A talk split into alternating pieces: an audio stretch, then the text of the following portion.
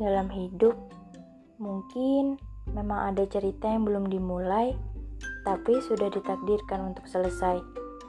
Sekejam itu ya waktu, tanpa memberi kesempatan padaku untuk bersamamu sedikit lebih lama.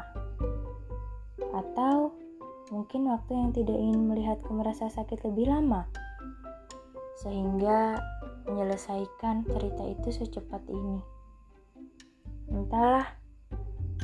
Dan dalam hidup mungkin ada beberapa hal yang memang tidak membutuhkan jawabannya.